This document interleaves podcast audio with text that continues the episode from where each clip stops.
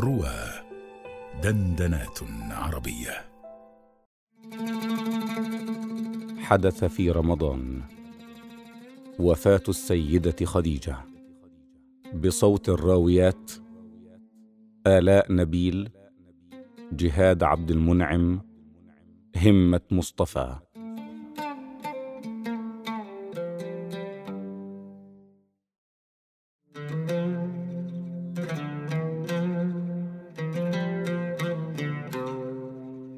خديجة بنت خويلد هي أم المؤمنين وسيدة نساء العالمين بعد السيدة مريم وأم أولاد النبي محمد صلى الله عليه وسلم إلا إبراهيم فهي أول من آمن بدعوة النبي الكريم.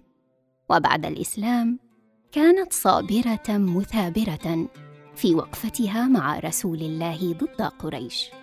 ولحقت بالنبي محمد حينما حاصره المشركون في شعب أبي طالب. وفضل السيدة خديجة لا يغفل. فقد أتى جبريل لمحمد فقال له يا رسول الله هذه خديجة قد أتتك مع إناء فيه ايدام أو طعام أو شراب. فإذا هي أتتك فاقرأ عليها السلام من ربها عز وجل ومني. وبشرها ببيت في الجنة من قصب لا صخب فيه ولا نصب.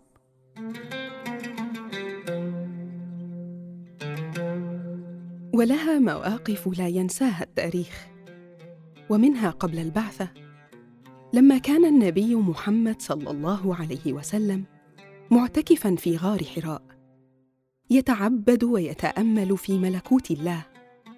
شاخصا ببصره إلى السماء متجردا من كل ما يشغل باله. ولما أراد الله أن يخلص البشرية من الاعوجاج وأن يخرجها من الظلمات إلى النور نزل جبريل عليه السلام على النبي.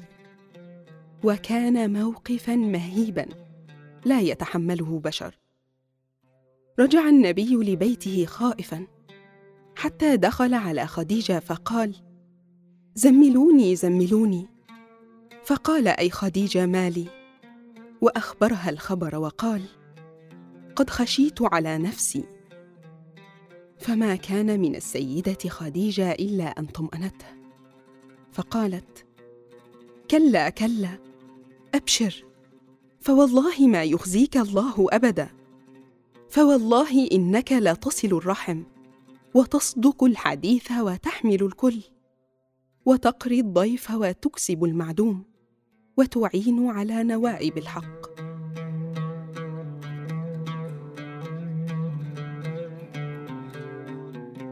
يتضح لنا من هذا الموقف أن السيدة خديجة كانت ملاذا لرسول الله. فرغم شدة الموقف فإنها لم تفزع بل طمأنت. وأزالت عنه الروع ويتجلى هنا جانب من أخلاق السيدة. فالبداية بحسن استقبالها لزوجها والتهدئة من روعه وطمأنتها له أن الله ما كان ليضيعه أبدا. واستجابتها له وتزميله كما طلب منها حتى ذهب عنه الخوف.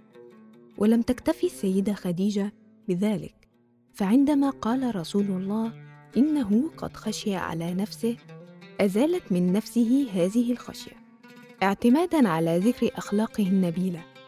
وبتخلقه بهذه الأخلاق ما كان الله ليخزيه ابدا. إن السيدة خديجة كانت من نعم الله على رسول الله. ظلت معه ربع قرن تعينه على إبلاغ رسالته. تشاركه مغارم الجهاد بلا كلل ولا ملل. يقول الرسول صلى الله عليه وسلم عنها آمنت بي حين كثر بي الناس وصدقتني حين كذبني الناس وأشركتني في مالها حين حرمني الناس ورزقني الله ولدها وحرم غيرها.